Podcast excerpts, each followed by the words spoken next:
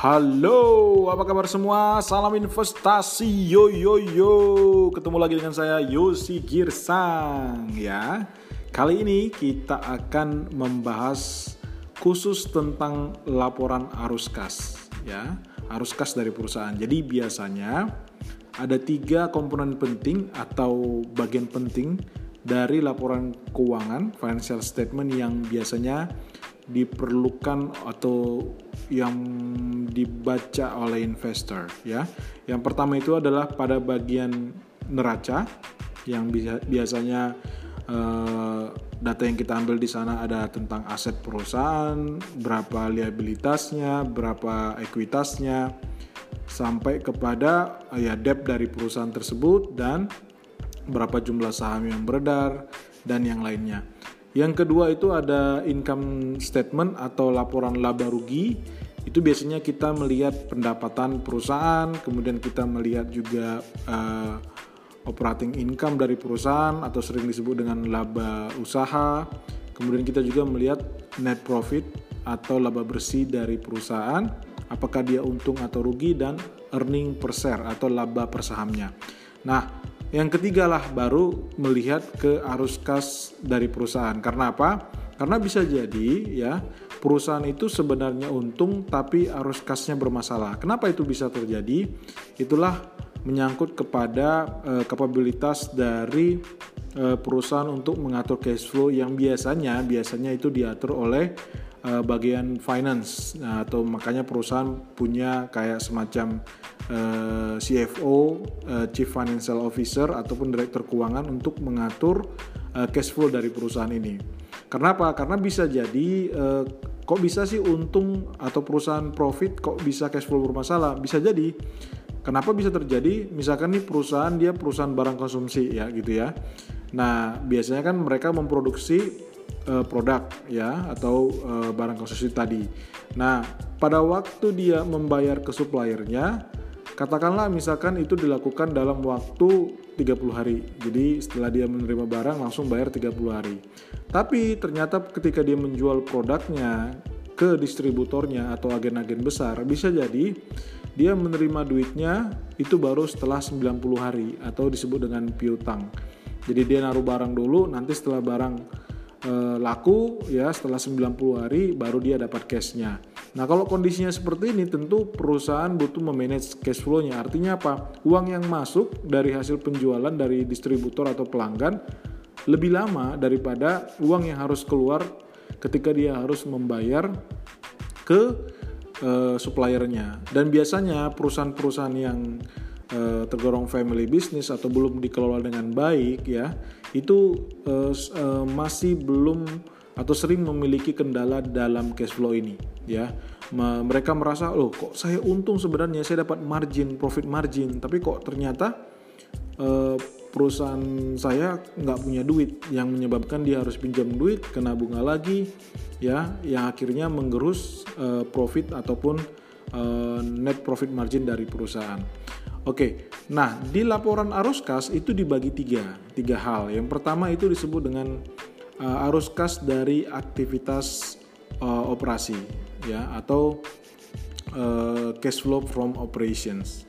Nah, yang bagus itu kalau kita lihat di totalnya ya di totalnya itu biasanya kalau perusahaan yang sehat dalam setahun dia harusnya positif. Sekali lagi harusnya positif. Mungkin di dalam beberapa quarter dia bisa negatif ya. Tapi ya jadi laporan quarter mungkin bisa negatif. Tapi kalau kita sudah melihat dalam setahun full year ya baik yang kita setahun kan jadi misalkan laporan keuangan masih quarter 3 kita setahun kan yang saya sudah share juga di uh, di podcast sebelumnya atau di laporannya full year itu sebaiknya dia harus positif ya. Dan harusnya mengikuti pergerakan dari uh, uh, net profit. Ya mungkin nggak persis sama nggak akan mungkin persis sama tapi setidaknya akan uh, uh, trennya akan sama. Jadi misalkan begini maksud saya. Katakanlah perusahaan itu di 2018 profitnya sebesar 1 triliun di 2019 profitnya sebesar satu setengah triliun. Otomatis kas bersih dari aktivitas operasi akan naik juga. Mungkin dari 2018 itu 900 miliar atau mungkin 1,1 miliar uh, di 2019 dia menjadi 1,4 miliar atau men, eh, sorry, sorry sorry dari 1 triliun atau 900 miliar sampai 1 triliun atau mungkin di 2019 itu menjadi uh, arus kasnya di 2019 menjadi 1,4 triliun atau 1,6 triliun. Gak persis sama dengan profitnya, tapi dia trennya sama-sama naik gitu. Nah itu yang pertama arus kas dari aktivitas operasi karena arus kas dari aktivitas operasi itu benar-benar duit yang masuk dan keluar yang disebabkan atau yang diperoleh dari benar-benar bisnis atau operation dari perusahaan tersebut. Jadi eh, makanya di dalam laporan keuangan isinya itu berupa penerimaan kas dari pelanggan, kemudian bagaimana eh, pembayaran kas kepada pemasok dan pembayaran juga untuk karyawan dan direksi untuk kompensasi eh, mereka, kemudian juga itu di total bisa menjadi kas bersih yang diperoleh dari aktivitas operasi. Makanya kalau plus artinya uh, ada penambahan di account atau di uh, uh, apa penerimaan dari perusahaan. Jadi cash in istilahnya. Nah, yang kedua, bagian yang kedua itu adalah arus kas dari aktivitas investasi atau cash flow from uh, investing. Jadi yang namanya perusahaan tentu perlu berinvestasi ya. Nah, dari arus kas aktivitas investasi inilah kita bisa melihat ya, tentunya kita harus melihat tren ya, nggak cuma melihat setahun ya. Kita melihat tren misalkan eh, lima tahun atau tiga tahun terakhir, kalau misalkan arus kas dari aktivitas investasinya itu minus, itu sebenarnya justru bagus ya. Apalagi kita harus melihat detailnya juga sih, apakah ada pembelian aset. Karena apa? Kalau kita kalau perusahaan itu tidak berkembang, tentu dia harus menambah asetnya dia mungkin menambah jumlah mesin untuk produksinya, dia mungkin menambah uh, kantor atau mungkin menambah uh, office atau eh, cabang-cabang uh, di uh, daerah untuk menambah coverage dari uh, sales atau marketingnya untuk penjualan lebih besar lagi di banyak wilayah.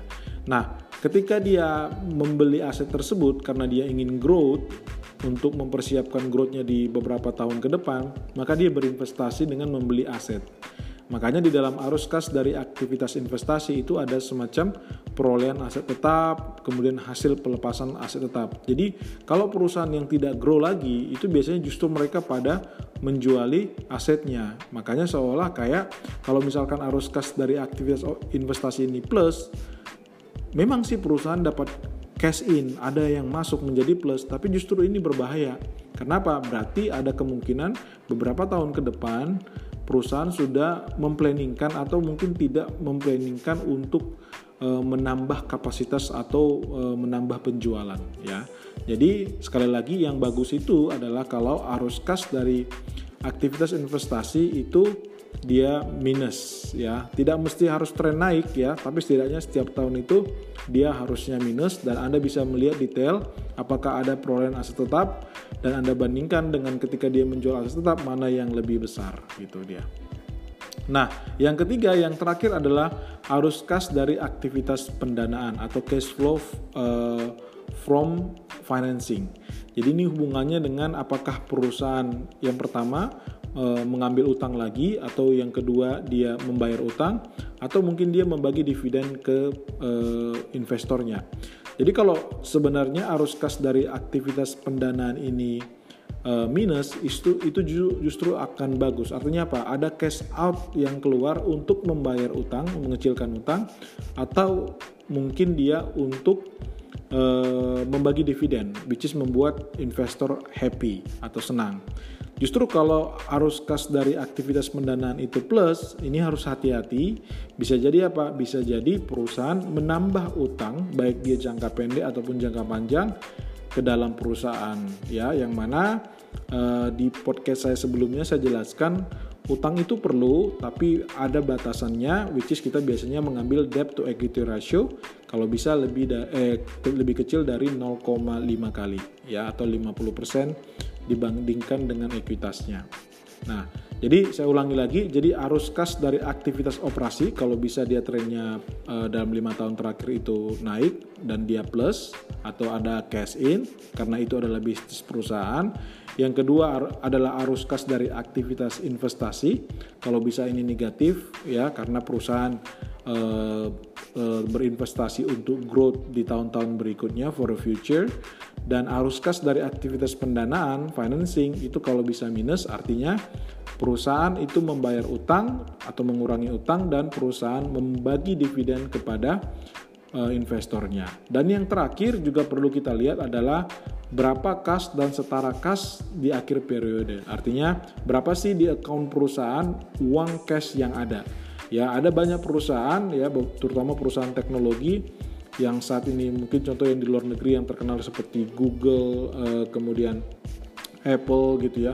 Mereka menumpuk cash yang besar. Ya sebenarnya cash besar pun sebenarnya nggak bagus tapi kadang-kadang ada investor yang senang dengan menggunakan valuasi uh, eh, PBV ya atau dia bandingkan antara cash perusahaan dengan market cap ya. Ada perusahaan kadang-kadang ya cashnya itu cash yang ada di accountnya itu di account banknya itu lebih besar daripada market cap. Jadi harga saham dikali jumlah saham yang berada. Ada jenis investor atau disebut dengan uh, uh, investor yang mencari perusahaan-perusahaan yang mungkin merugi tapi cash flow-nya uh, eh, tapi cashnya besar ya. Tapi kita tidak tidak ke sana dulu kita mending fokus ke growth dulu. Cuman pada intinya cash itu juga perlu dilihat apakah uh, ada pertumbuhan atau tidak ya. Untuk melihat keamanan dari perusahaan juga kira-kira itu dulu uh, tiga hal penting yang kita lihat di arus kas uh, di dalam laporan keuangan. Semoga bermanfaat. Salam investasi, yo yo yo.